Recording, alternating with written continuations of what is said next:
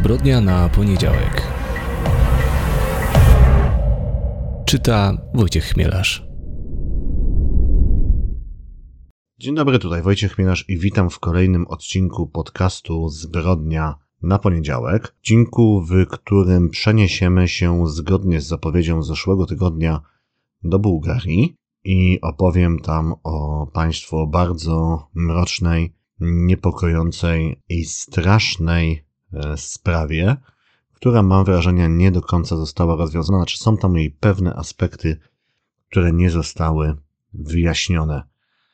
Natomiast y, już zanim zaczniemy, tak jak y, od pewnego czasu, kolejny dzień, kolejny tydzień wojny w Ukrainie, która padła ofiarą rosyjskiej agresji i jak od początku tego konfliktu zachęcam Państwa, jeśli możecie, jeśli macie czas, jeśli macie jakieś wolne zasoby, pomagajmy uchodźcom, pomagajmy Ukrainie.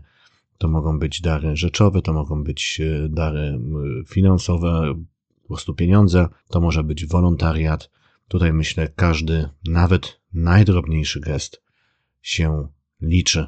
Dobrze, e, zazwyczaj jeszcze w tym momencie proponuję Państwu jakieś polecajki książkowe. E, tutaj myślę, parę osób ucieszę, informując, że w tym odcinku tego nie będzie. Nie będzie, bo akurat czytałem książki, które mi się przydadzą do innych odcinków. E, taka prawda. Natomiast też jest tak, że jak szukałem jakiejś książki związanej z Bułgarią, tak, jakiegoś kryminału związanego z Bułgarią, który mógłby Państwu polecić, to się zorientowałem, że żadnego nie znam. Nie znam ani jednego bułgarskiego kryminału. Przez chwilę zastanawiałem się, czy nie polecić Państwu pewnego kryminału, którego akcja się dzieje w Rumunii, E, to wydały w swoim czasie e, książkowe klimaty, natomiast zorientowałem się, że ten kryminał jest takim fajnym przyczynkiem, żeby opowiedzieć troszeczkę właśnie o Rumunii i o, o rumuńskich sprawach. No więc to pewnie za jakieś dwa tygodnie. Więc nie, niestety żadnych, żadnych w tym tygodniu polecajek książkowych. Przenosimy się od razu do sprawy kryminalnej, do dzisiejszej sprawy kryminalnej. Przenosimy się do Bułgarii. W sierpniu 2009 roku Elena Tomowa postanowiła wyjechać z Sofii, gdzie mieszkała wraz z córką, jej mężem oraz swoim wnukiem, no i wyjechała do wiejskiej chatki w miejscowości Vlado Triczkow, północny zachód od miasta. Odległość pomiędzy tymi miejscami nie jest duża.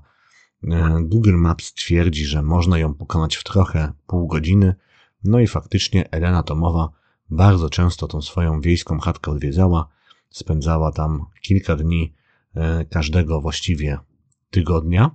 Natomiast niech ta, na, ta mała odległość nas nie zwiedzie, no bo te, to jest niby pół godziny, to jest kilkanaście, czy tam kilkadziesiąt kilometrów, jednak Tomowa wkraczała w zupełnie inny świat.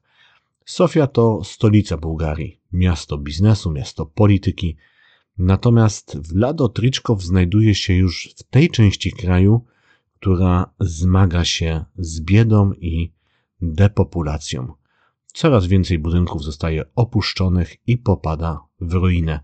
A kto może, to wyjeżdża szukać szczęścia w innych częściach kraju lub nawet poza granicami Bułgarii. No ten, w tym kraju wydarzyło się po przystąpieniu do Unii Europejskiej to samo właściwie co w Polsce, czyli bardzo dużo osób wyjechało pracować na zachodzie Europy. E, najczęściej byli to ludzie młodzi, ludzie wykształceni, którzy tam gdzieś na zachodzie, w innych krajach mogły, mogli łatwo znaleźć pracę.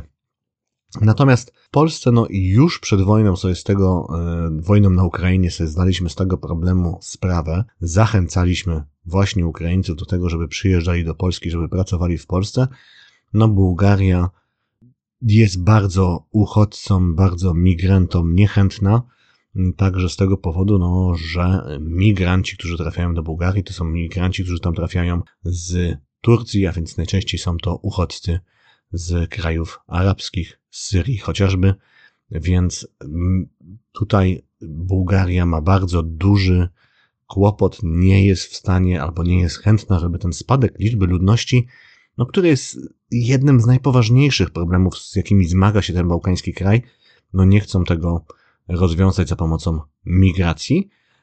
No i mają z tego powodu duży, duży problem. No i są takie e, rejony kraju właśnie na tym południowym, e, przepraszam, północnym zachodzie, który jest e, górzysty, gdzie jest dużo wsi, gdzie jest dużo takich opuszczonych albo chylących się do upadku miasteczek, skąd po prostu ludzie uciekają. Bardzo często jest tak, że tam dzieci na przykład są wychowywane przez dziadków, nie ma ludzi w średnim wieku, ponieważ ci wszyscy ludzie w średnim wieku właśnie wyjechali do pracy, czy to do Sofii, czy to do innych krajów. E, więc jest to naprawdę bardzo duży problem, który, no, którego nie wiadomo jak rozwiązać i który coraz bardziej przykłada się na gospodarkę, ponieważ no, nie ma sensu inwestować w rejonach, gdzie wiadomo, że nie ma siły roboczej, a skoro w tych rejonach nie ma nowych inwestycji, no to ludzie stamtąd uciekają. To jest tako, takie samo napędzające się koło.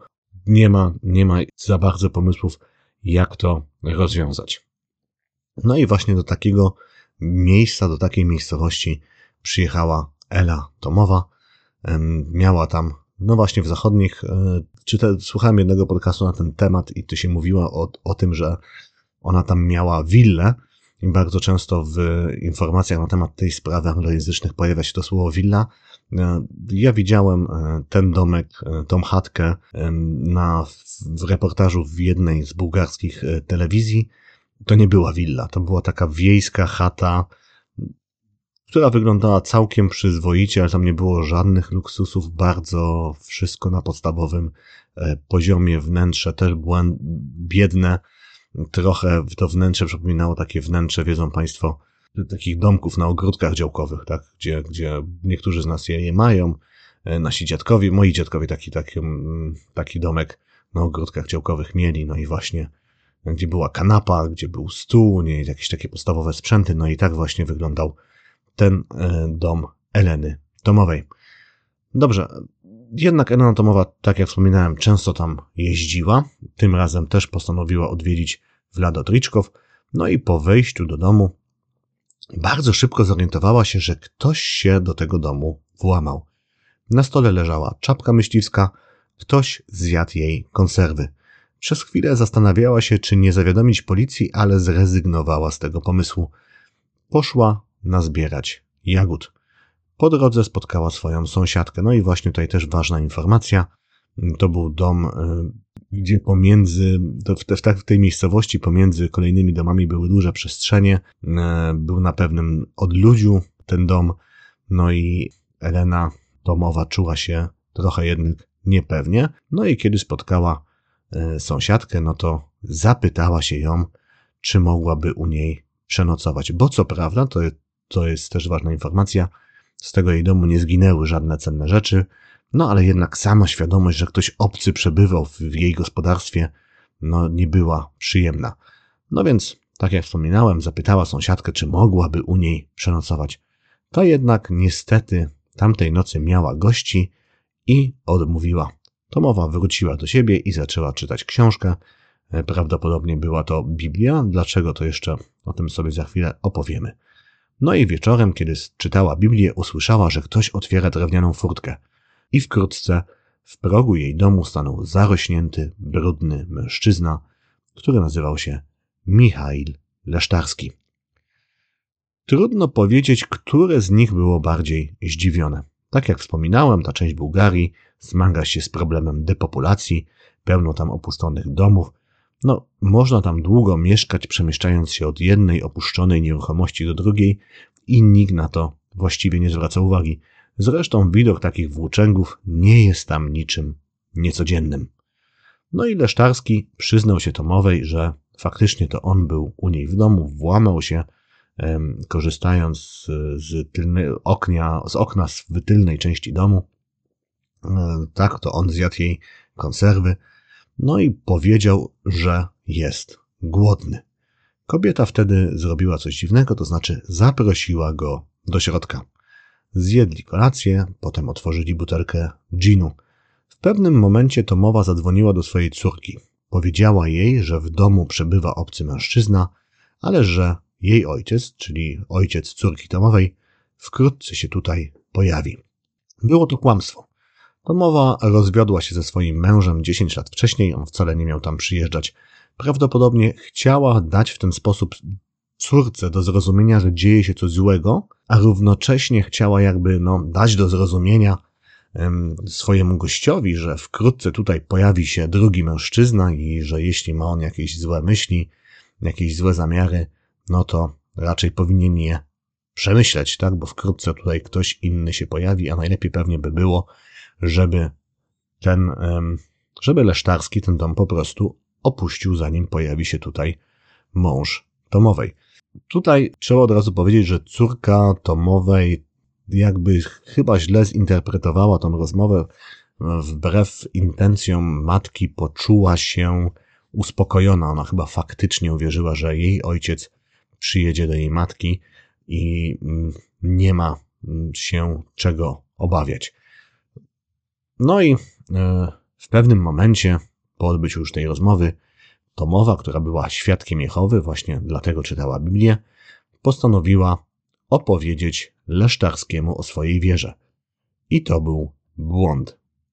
Tyle mówisz mi o Bogu, zobaczymy, czy teraz ci pomoże, powiedział Michail Lesztarski Elenie Tomowej.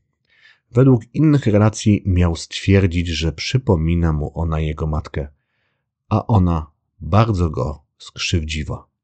Niezależnie od tego, jakie słowa wtedy padły, wiadomo, że mężczyzna rzucił się na Elenę. Kobieta próbowała się bronić. Niedaleko łóżka położyła siekierę. Teraz chciała po nią sięgnąć, ale nie zdążyła. Lesztarski przygniótł ją do łóżka i udusił. Podobno próbował także zgwałcić, ale mu się to nie udało. Obciął jej jednak lewą pierś. Na czole namalował jej krzyż jej własną krwią, a później kolejne w całym domu. Podobno później siedział przy ciele zamordowanej kobiety i przez dwadzieścia minut płakał. Wreszcie wziął kubek, z którego pił, niedokończoną butelkę ginu i opuścił domostwo. Michał Leszczarski miał przerażające dzieciństwo. Matka prawdopodobnie zupełnie się nim nie zajmowała. Ojciec był zamożnym, oczywiście jak na bułgarskie standardy. Pamiętajmy, że to był dosyć ubogi kraj, e, kraj, który też należał do bloku socjalistycznego. No ale jak na tamte e, czasy, ojciec Michała był zamożnym sklepikarzem. No i ratował on swojego syna. Nie tylko go bił, potrafił go także przykuć łańcuchem do ściany, a miskę z jedzeniem i wodą ustawiał tak, że były tuż poza zasięgiem rąk chłopaka. Według innych opowieści przywiązywał chłopaka do swojego nowego Moskwicza i potem ciągnął go po podwórku. Nic dziwnego, że Michał szybko wpadł w kłopoty z prawem, zaczął kraść i napadać na ludzi. Edukację zakończył po ośmiu latach szkoły podstawowej. W wieku 15 lub 16 lat został powołany do wojska. Pewnego dnia odwiedził rodziców na przepustce. Ojciec zaproponował mu, że odwiezie go na dworzec kolejowy. Wsiedli do Moskwicza. Oprócz nich dwóch była tam także matka Lesztarskiego. Ojciec chłopaka był wtedy pijany. Spowodował wypadek. Michał wyszedł z niego bez szwanku. Jego ojciec miał połamane obie nogi. Natomiast jego matka miała bardzo poważne obrażenia głowy. Podobno zaczęła się wtedy inaczej zachowywać. Stała się niezrównoważona. Oskarżyła także syna o gwałt. Michał został za ten gwałt na matce skazany na 18 lat więzienia. On sam twierdził, że był niewinny. Policjant, który mnie wrobił, został ukarany przez Boga. Jego syn jest alkoholikiem, a wnuk narkomanem. Nie wierzę w Boga, ale uważam, że jest jakaś siła, która nam pomaga lub nas karze, powiedział w jednym z wywiadów. Wtedy w więzieniu spędził 12 lat. Nie 18, 12, wyszedł wcześniej, ponieważ dowiedział się od pewnej urzędniczki służby więziennej, że jeśli będzie przeznaczał zarabione za kratkami pieniądze na datki na cele charytatywne, no to e, zostanie mu skrócona kara. No i tak właśnie się stało. Michał wspierał swoimi pieniędzmi bułgarskie sierocińce. bardzo dobrze się też zachowywał. Wzorowy więzień, zły obywatel. Tak miała go opisywać więzienna administracja. Y, też, żeby było jasne, podczas pobytu w więzieniu wydarzyło się coś bardzo złego w życiu Michaiła. Myślę coś, co bardzo źle wpłynęło na jego psychikę, co go bardzo poraniło nie tylko fizycznie, no więc podczas odsiadywania kary padł ofiarą zbiorowego gwałtu. No, można się domyślić, że miał ciężko w więzieniu, kiedy wyszło na jaw, za co siedzi. Po odsiedzeniu kary nie wrócił do domu. On miał zresztą duży żal do swojej matki za to, że go właśnie e, wrobiła. On tak twierdził, że go wrobiła w to przestępstwo. Miał żal do ojca, że nie stanął w jego obronie. Miał żal, żal do swojego brata, bo podobno miał jakiegoś brata, bo nikt z nich nie stanął w jego obronie, a równocześnie, kiedy on siedział w więzieniu, to wszyscy przychodzili do niego z prośbą o pieniądze. No więc po zakończeniu odsiedzenia kary nie wrócił do domu, Zaczął się natomiast włóczyć z miejsca na miejsce, wędrował po całym kraju. Przez jakiś czas pracował w jednym z bułgarskich hoteli. No i co ciekawe, jest tam dobrze wspominany. Dostał wtedy pokój, w którym mógł się zatrzymać, ponieważ no, właściciele tego hotelu wiedzieli, że nie ma swojego miejsca, nie ma swojego mieszkania, więc udostępnili mu tam jakiś pokoik. No i wspominali, że był spokojny, sumienny i że świetnie wykonywał swoją pracę. Miał też doskonale komunikować się z resztą personelu. Problemy zaczęły się, kiedy skończył się okres zawieszenia jego kary. Wtedy zaczęło mu odbijać. Pewnej nocy wybił okna w firmowych samochodach, aż nagle po prostu zniknął. Odtworzenie jego dokładnych losów jest trudne. Był włóczęgą. Poruszał się głównie na piechotę. Jednego dnia potrafił przejść nawet 30 kilometrów. Sam opowiadał, że w pewnym momencie związał się z nastoletnią romską prostytutką. Chociaż związał się, to troszeczkę za dużo powiedziane. Po prostu płacił jej za to, żeby była jego dziewczyną. Ona jednak wkrótce go opuściła. Opowiadał, że bardzo, ale to bardzo mocno to przeżył. Mówi się także, że zamieszkał w domu swojego kolegi z więzienia. Zrobił to jednak w dosyć specyficzny sposób. Zajął strych domu tego kolegi z więzienia, no i zabronił temu koledze mówić, że on tam przebywa. Zrobił dziury w podłodze, przez które mógł podglądać i podsłuchiwać mieszkających na dole ludzi. Zastraszył swojego kolegę, wielokrotnie groził, że go zabije, miał nawet zaatakować, a według innych źródeł zgwałcić jego żonę. Pewnego dnia, jak to miał w zwyczaju, zniknął. Został zatrzymany na początku 2011 roku za rozbój. Obrabował i pobił 82-letniego Jordana Colewa z wioski Carwetes, a miesiąc później Władimira Toszowskiego z Górnej Kremeny. Tutaj yy, Władimir Toszowski miał ponad 70 lat, więc tutaj mamy taki modus operandi, na który zwrócili uwagę bułgarscy śledczy, że Michał atakował e, starszych mieszkańców właśnie takich opuszczonych wiosek. Jeden z nich e, przyłapał go nawet na kradzieży, no i powiedział mu wtedy, że synu, jakbym wiedział, że jesteś głodny, bo on chyba kradł mu jedzenie, gdybyś zapukał do drzwi, to po prostu sam bym ci dał jedzenie. No i wtedy Michał wpadł w szał, podobno to określenie synu bardzo źle na niego zadziałało i pobił wtedy tego staruszka. No więc policjanci po tym jak go zatrzymali, początkowo przesłuchiwali go tylko w związku z tymi dwoma napadami, ale bardzo szybko skojarzyli go z zabójstwem Eleny Tomowej. Uznali bowiem, że doskonale pasuje do przygotowanego przez profilerów portretu psychologicznego sprawcy. Według tego portretu psychologicznego sprawca miał być ponad 35-letnim Bułgarem. Dlaczego ponad 35-letnim Bułgarem? Ponieważ Elena Tomowa rozmawiając z córką, powiedziała, że jest u niej w domu jakiś obcy mężczyzna, no i tutaj profilerzy uznali, że gdyby sprawca był młodszy, to by powiedziała, że to jest chłopak albo młodzieniec, tak? No, miał on też e, dobrze znać okolice, mieć, e, ale jednak być takim włóczęgą, no i mieć problemy z, z, w kontaktach z ludźmi, w kontaktach z kobietami, no i jak się policjanci przyjrzeli zatrzymanemu Michailowi, to no stwierdzili, że on dobrze do tego, do tego portretu pasuje. Zaczęli z nim rozmawiać na temat zabójstwa Eleny Tomowej. On początkowo się tego, temu wypierał, natomiast kiedy zaczęli mu opowiadać o tym zabójstwie, zaczęli opowiadać o ciętej piersi, no to mm, pękł i, za, i przyznał się do tego zabójstwa.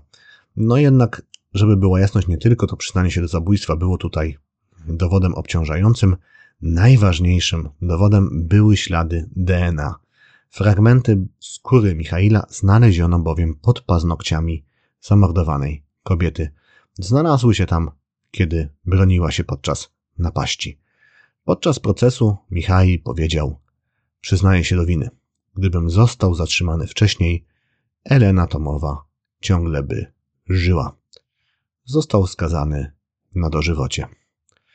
Później jednak, już podczas e, odsiadywania kary więzienia, zaczął wypierać się swojej winy, zaczął udzielać wywiadów, ta sprawa zaczęła się robić głośna, zaczęto go nazywać zabójcą z jaskiń, no bo e, według takiej e, wersji sprzedawanej medium on mieszkał w jaskiniach i tam żywił się nawet nietoperzami. Nawet taka opowieść krążyła, że chodził bardzo głodny i potrafił zjadać nietoperza, a jego głównym miejscem, gdzie się chował przed e, policją, no to były właśnie jaskinie, a chował się przed policją, bo się obawiał, że policja właśnie zatrzyma go za zamordowanie Eleny Tomowej.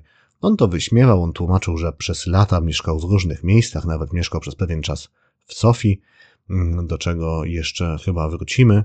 E, I kiedy zaczął się ukrywać, to nie dlatego, że e, bał się, że zostanie skojarzony ze sprawą Aleny Tomowej, ale dlatego, że włamał się do jakiegoś domu, no i z tego domu ukradł dwa kilogramy heroiny, no i bał się, że właściciel tej heroiny będzie go szukał i będzie chciał mu zrobić jakąś krzywdę. No ta wersja jest najprawdopodobniej e, nieprawdziwa.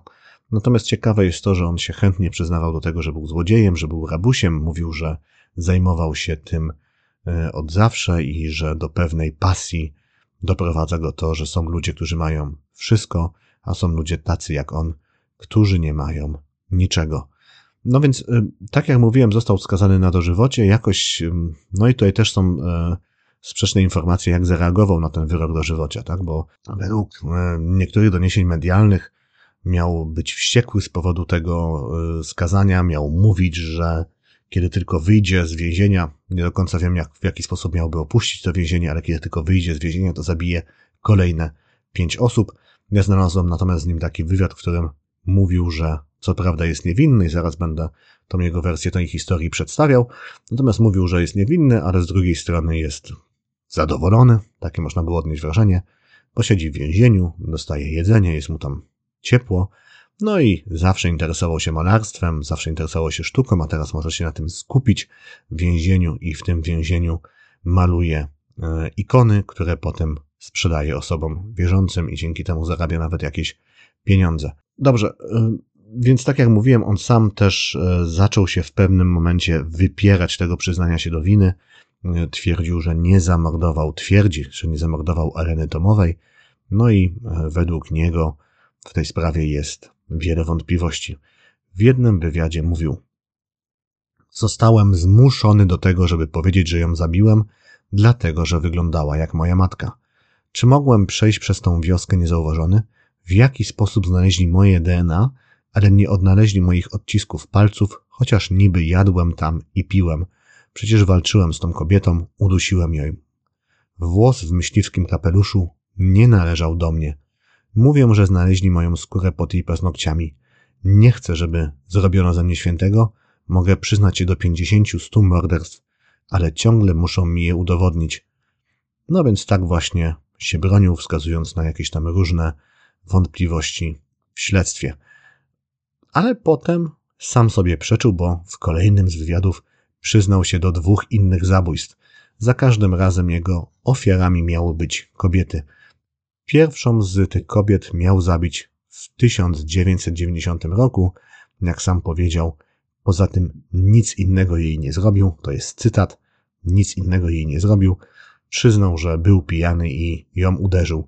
Co do kolejnej ofiary nie podał żadnego szczegółu, oprócz tego, że lekarz uznał, że kobieta zmarła z powodu zawału, no i mam wrażenie, że opowiadał o tym z taką pewną dumą. Sami bułgarscy śledczy łączą go natomiast ze śmiercią Marianny Dandowej. Kobieta została zamordowana w Sofii, e, a jak wspominałem wcześniej, no sam Lesztarski opowiadał, że mieszkał przez lata w Sofii, tam pracował. No więc kobieta została zamordowana w Sofii w 2007 roku, była w wieku areny domowej, wyglądały obie kobiety podobnie, prawdopodobnie Mariana Dandowa była pracownicą seksualną, została uduszona i jej również obcięto pierś.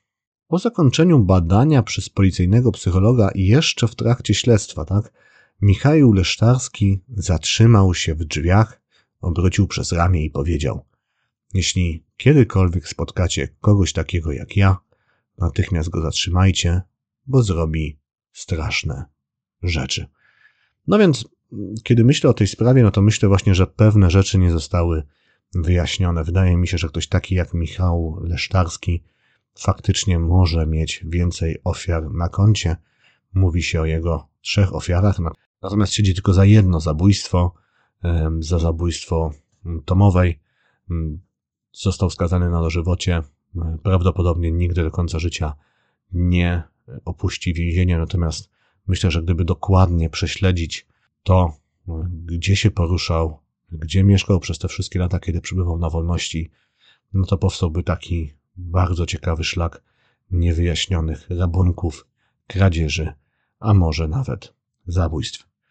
E, I teraz tak, o sprawie opowiedziała mi pani Magda Brzezicka.